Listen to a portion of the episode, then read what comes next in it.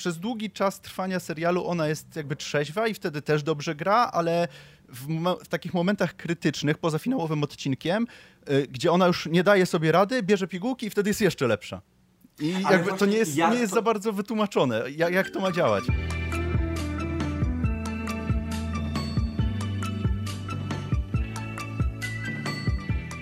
Cześć, witamy Was bardzo serdecznie. Witam Cię, Rafale. Cześć, cześć.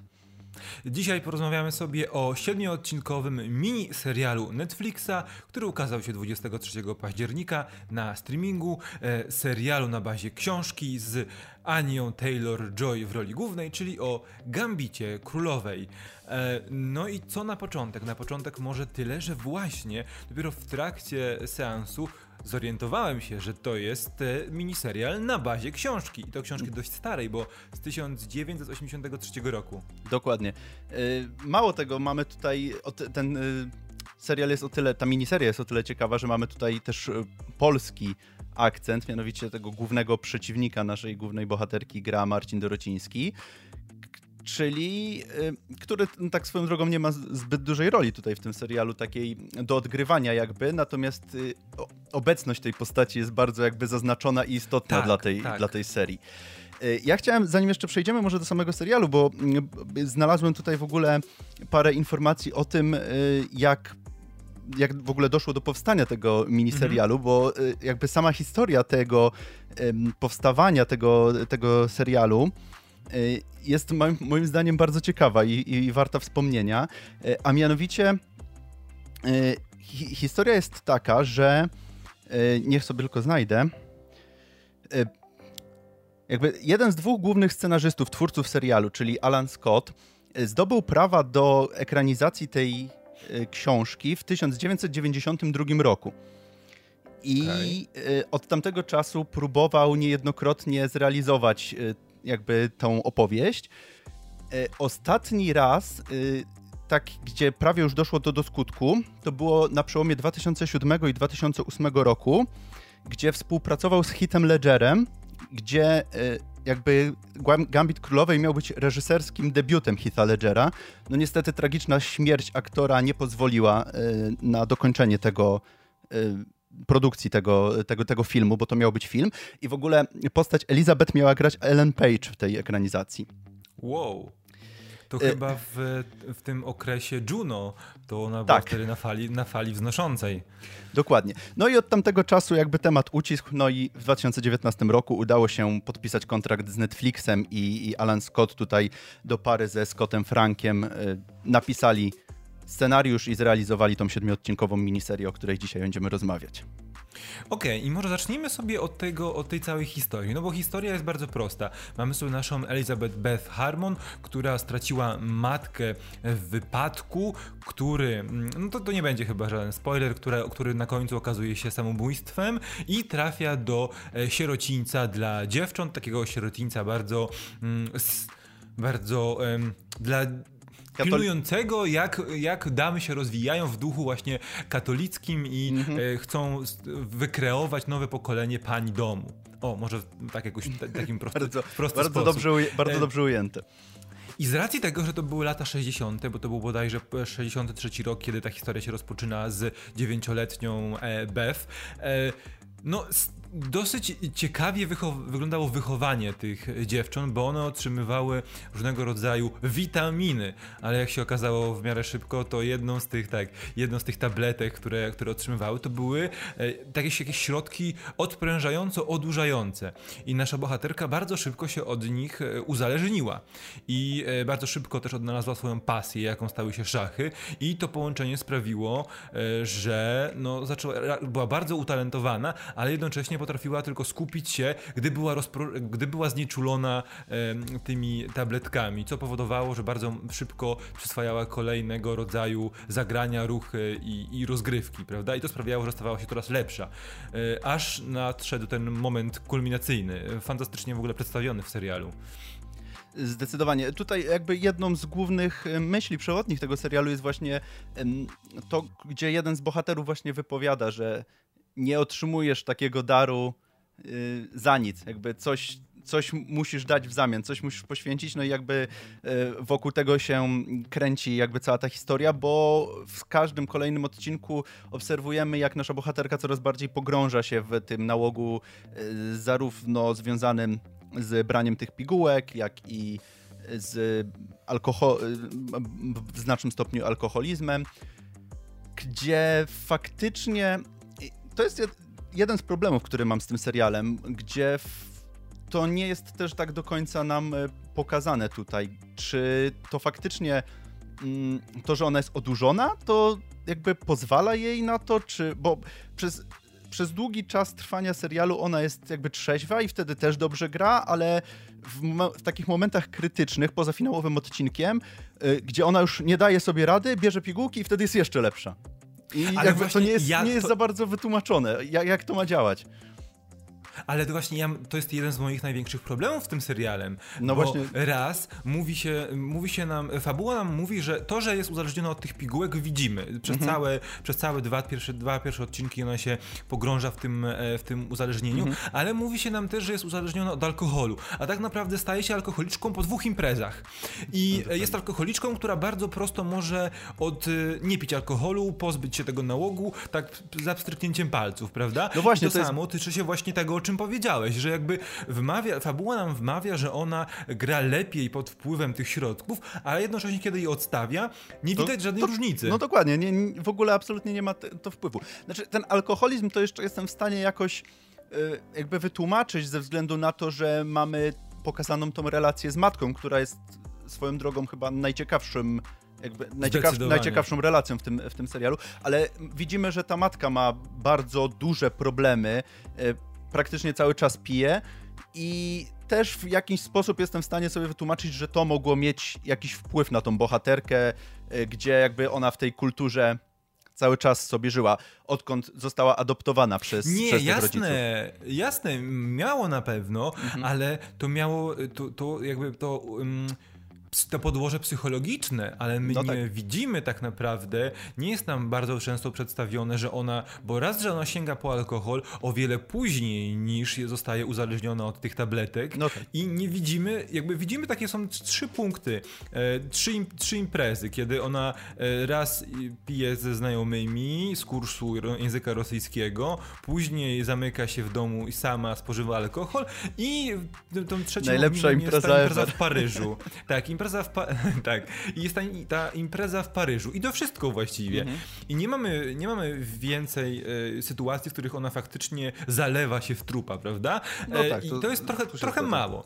Ale może zostawmy ten wątek, bo o tym tu możemy dyskutować, przeciągać się w, w którąś ze stron, co na temat uważamy, ale porozmawiajmy sobie właśnie o tej relacji z matką, bo mhm. E, Elizabeth w wieku 13 albo 15 lat, w sumie nie wiem, bo bo ta linia czasu też jest mało, mało oczywista, bo Chyba jakby... 13, bo tam jest tak, że w pewnym odcinku ona mówi, że ma... Nie, sorry, w wieku 15 no, lat, ale ją sprz jakby sprzedają, powiedzmy, sprzedają jako, jako 13-latkę. Tak. No właśnie, i to później miało, powinno mieć znaczenie w kontekście tego, ile ona ma lat na końcu w serialu i w sumie nie wiemy, ile ma no lat. Nie wiadomo. E, ale tak, e, zostaje adoptowana i ma bardzo, bardzo szybko nawiązuje bardzo mocną relację z tą adoptowaną matką Almą. E, mhm. Ojciec zupełnie jest nieobecny, jakby nie przyznaje się w ogóle do, do tej adoptowanej, adoptowanej córki i zostawia w pewnym momencie rodzinę. I tutaj zaczyna się ta relacja bardzo mocno zmieniać, bo matka dostrzega jakby, dostrzega, że jest nie niezwykle utalentowaną szachistką, jej córka adoptowana i zaczyna być jej agentką, jej no menadżerką, no dbać no właśnie no? Z, z, tą, e, z tym talentem do e, szachisty, okej, okay, ja się zgadzam, że, że zauważa, tylko że mm, ona w trakcie trwania e, fabuły zaczyna doceniać Elizabeth jako córkę i zaczyna o nią dbać, ale jakby ta ich przygoda wspólna zaczyna się tylko od y, jakby wzajemnych korzyści. W sensie, że y, Alma widzi szansę na łatwy hajs, a Beth się zgadza na to i dzięki temu ona dostaje możliwość grania w szachy i wyjeżdżania na coraz to nowsze tur ja to turnieje. widzę trochę inaczej. Okay. Bo y, dlatego, że jasne, y, y, Bev korzysta, bo może się zrywać ze szkoły na turnieje, będąc niepełnoletnią ma osobę, z którą, którą może jeździć na turnieje, ale Alma, jasne, korzysta majątkowo na tym, ale też udowadnia sama sobie, że nie jest tylko kurą domową, tylko faktycznie jest czymś dobra. Bo widzimy tą scenę, kiedy to Alma inicjuje rozmowę, mówiąc do Bev, że zobaczyła w, w tym magazynie szachowym, że jest turniej i od razu jej mówi, że tyle możesz wygrać, tyle będzie kosztowało nas, nas, nas podróż, pobyt, tyle nam zostanie, więc jakby ona e, udowadnia, udowadnia właśnie w tym momencie sobie i Bev, że jest wartościowym, wartościową połową tego duetu, który ma zaraz podbić świat szachowy. I ona, jasne, mhm. rozpoczyna to właśnie z tego punktu, że musi skądś wziąć pieniądze na życie i córka może jej w tym pomóc, a dopiero później nawiązują bliską relację. Ale nie można, nie, nie, nie chciałbym, nie jestem, nie zgodzę się, jeśli chciałbyś powiedzieć, że ona ją tylko wykorzystuje, bo ona też dostrzega w tym szansę na rozwój siebie, bez okay. męża. E, ja, no okej, okay, dobra, no ja nie chciałem tutaj powiedzieć, że to jakby to jest e, wykorzystywanie, bo to jest jakby taka wzajemna relacja. Wiesz, symbioza. Taka, do, dokładnie, jakby każda z tych, to, to, nie jest tylko wykorzystywanie, tylko jakby każda z tych stron coś jakby dla siebie ma z tej relacji i z tego, yy, no z tej relacji, zostańmy na tym. Yy, także okej, okay, yy, nie, nie pomyślałem o tym w ten sposób, jak, jak ty teraz powiedziałeś. Dla mnie to był tylko, tylko korzyść majątkowa, no ale cóż, widocznie tylko jedno mi w głowie. No, najwidoczniej. Okej, okay, a może teraz przejdźmy do mężczyzn w życiu e, Elizabeth, bo to jest nies, nies, niezwykle dziwnie poprowadzony wątek. Wątki w sumie, bo jest tak naprawdę jest trzech mężczyzn w życiu.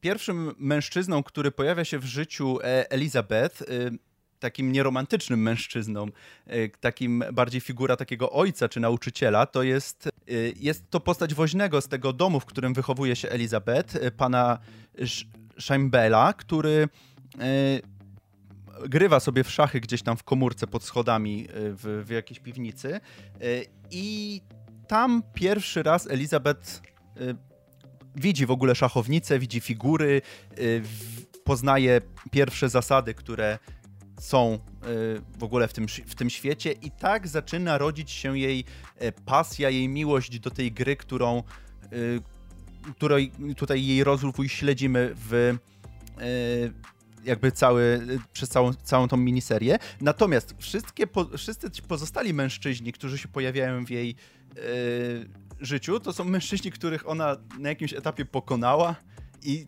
to jest też takie dość ciekawe moim zdaniem, że jakby relacje miłosne w tym serialu wynikają właśnie też z tej gry szachowej i z, te, i z tego, z tej dynamiki E, jakby to nie jest taka czysta miłość, tylko ona jakby wypływa z tej dynamiki, z tej relacji, czy z e, tej rywalizacji na, na polu szachowym. No właśnie, ja chciałem cię zapytać, czy to na pewno są relacje romantyczne? W pewnych, e, zależy bo... od momentu serialu, bo i zależy, z no której właśnie, strony patrzysz. O, może tak. z tych... Bo jeżeli patrzysz od strony tych mężczyzn, to tak, myślę, bo... że jak najbardziej. Jeżeli patrzysz od strony Elizabeth, no to już tutaj można polemizować. No właśnie, bo z każdym z nich faktycznie łączyła ją e, ta więź rywalizacji. No może poza tym pierwszym, czyli to, Tonesem, mhm. bo z nim zagrała raz w sumie, e, ale i jeśli chodzi o, Harego i o Benego, to byli jej rywale na pewnym etapie. Benny bardzo długo był jej rywalem e, szachowym, z którym biła się o miano na, najlepszego szachisty w, w USA, prawda? I tak naprawdę ja myślałem, że to wszystko zmierzy do tego, że faktycznie na końcu jakaś ta relacja romantyczna powstanie mocna i zostanie z nami. No ja myślałem, że to będzie z tym DL Tonesem, czyli tym jej pierwszym rywalem i pierwszym zauroczeniem w ogóle w wieku tam tych 15 lat, e, ale nie widzimy tego zupełnie.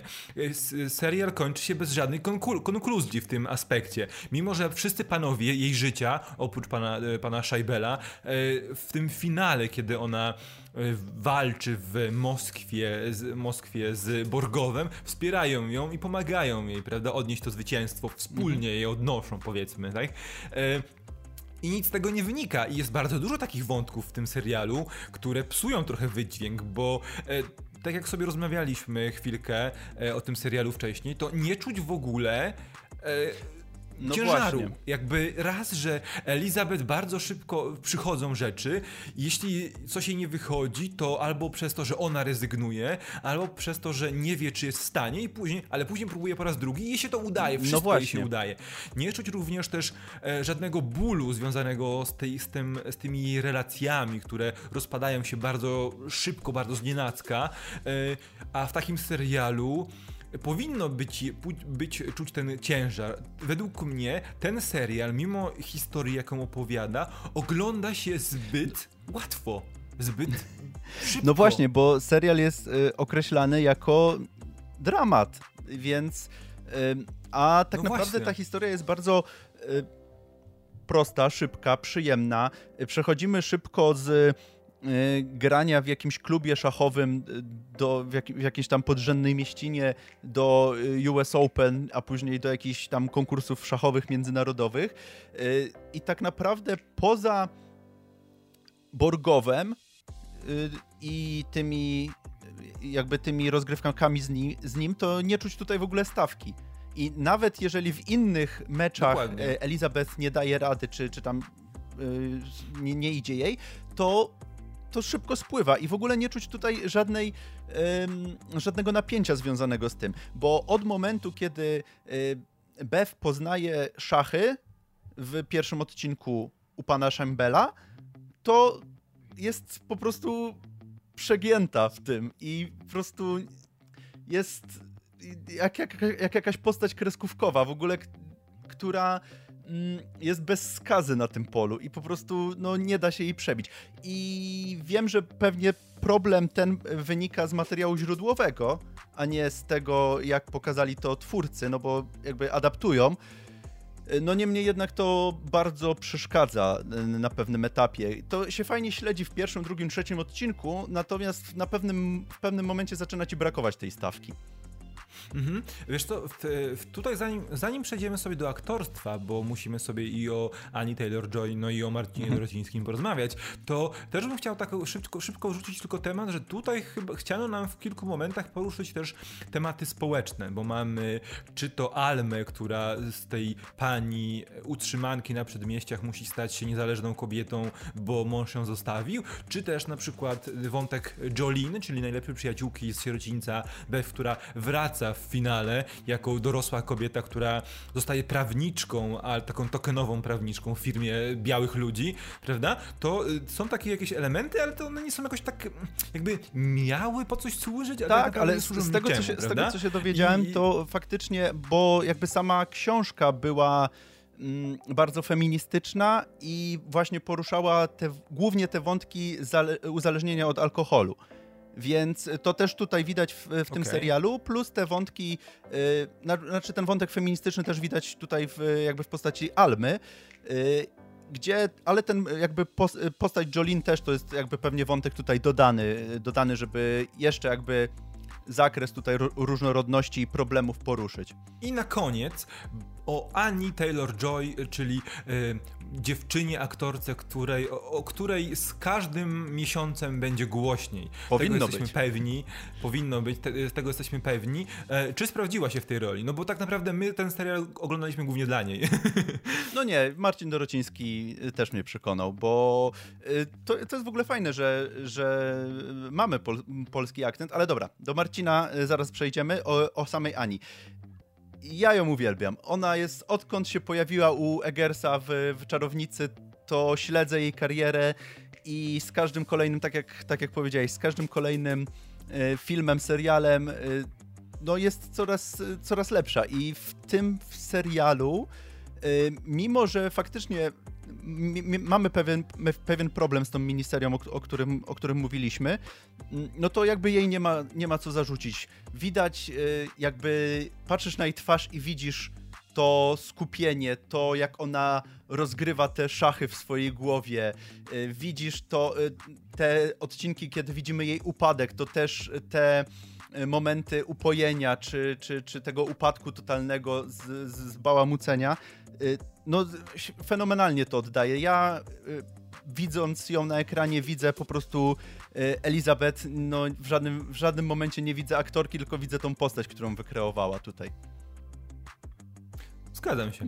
E, jakby to jest. Ca całe moje serduszko trafia do. W, ty, w, tym tygodniu moje serce należy do e, Ani Taylor Joy. I teraz Marcin Rodziński, bo jego, jego, postać jest bardzo istotna w tym e, miniserialu, no bo jest największym legendarnym Nemezis naszej bohaterki, którego ostatecznie udaje się pokonać. Ale sam Dorociński nie ma zbyt wiele do grania, bo on no pojawia właśnie. się jest, jest go sporo, od czwartego odcinka jest go sporo, ale on tak naprawdę jest bardzo milczącym, bardzo stoickim graczem, który nawet wielu słów po rosyjsku nie wypowiada, a po angielsku chyba dwa zdania do naszej, no. naszej e, Elizabeth i to wszystko. I czy to czy to jest przepustka dla Dorocińskiego do grania w międzynarodowych produkcjach? Śmiem wątpić. Ja się zgodzę, bo faktycznie ta rola nie jest aż na tyle jakby nie dała się na tyle popisać aktorowi, że, żeby tutaj zaraz e, wrota Hollywoodu były otwarte dla niego, czy, czy nawet dla produkcji Netflixowych.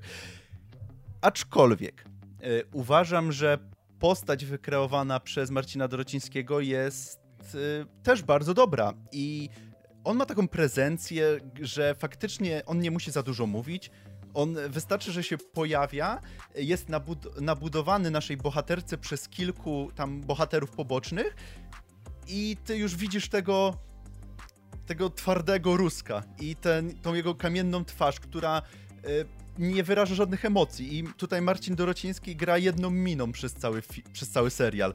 Y, ale tak ma być i to jest, i to jest y, bardzo dobre moim zdaniem, bardzo, bardzo fajnie od, oddaje. I to, co już powiedziałem, że on ma taką właśnie prezencję, gdzie fantastycznie się nadaje do tej roli takiej, takiego bezwzględnego gościa, chociaż nie do końca, bo w finale się okazuje, że nie taki Rusek, nie taki Borgow straszny, jak go malują, ale faktycznie, faktycznie jest y, moim zdaniem bardzo, bardzo fajnie i bardzo dobrze się sprawdził w tej roli. No dobrze, to tutaj chyba nie ma więcej nic do dodania. Teraz Rafale, przejdźmy do podsumowania. E, czy rekomendujesz ten serial e, widzom do obejrzenia? Bo ciekawostka, nie cieszy się on jakąś dużą popularnością w Polsce, bo sprawdzałem przed mhm. nagraniem, znajduje się zaledwie na dziesiątym miejscu, jeśli chodzi o top 10 tego weekendu co nie jest wcale dobrym wynikiem. Co, nie jest, co jest bardzo słabym wynikiem moim zdaniem, tym bardziej, że no, mamy tutaj polskiego polski akcent, więc no w top 3 powinien być przynajmniej ten serial.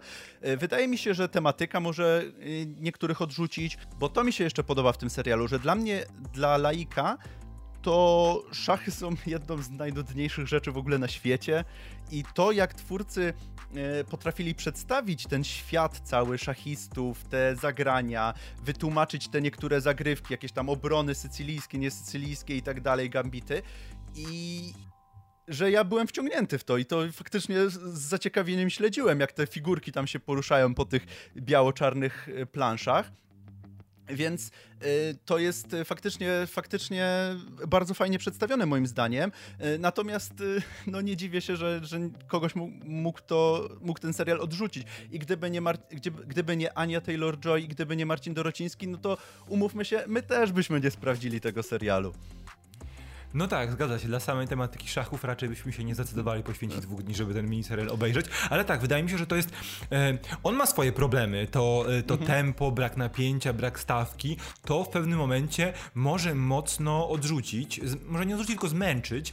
bo próbujesz, próbujesz dostać się wewnątrz tej historii i nie, jest ściana, która ci na to nie pozwala trochę. Ściana bez emocji. Mhm. E, ale jeśli chodzi o grę aktorską, jeśli chodzi o przedstawienie tematyki, jeśli, po, jeśli chodzi o pokazanie też tej zimne, zimnowojennej rywalizacji sportowej, no to jak najbardziej. E, a z racji tego, że to jest tylko siedmioodcinkowy miniserial i nie będzie miał kontynuacji, no bo jest zamkniętą historią e, na bazie książki, no to nic nie stoi na przeszkodzie, żeby faktycznie żeby sobie sprawdzić i sprawdzić.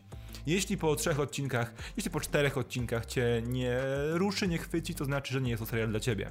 Ale z drugiej strony po czterech odcinkach to już szkoda zostawiać.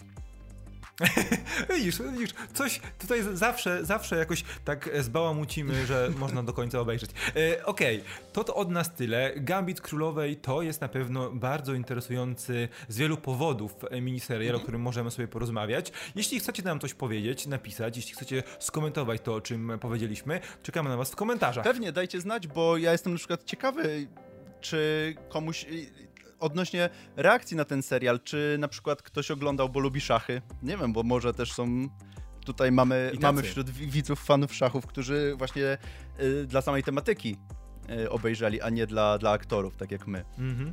Tak. Okej, okay, to od nas tyle. Dziękujemy Wam bardzo i my widzimy się i słyszymy w kolejnych materiałach. Do zobaczenia. Cześć. Cześć.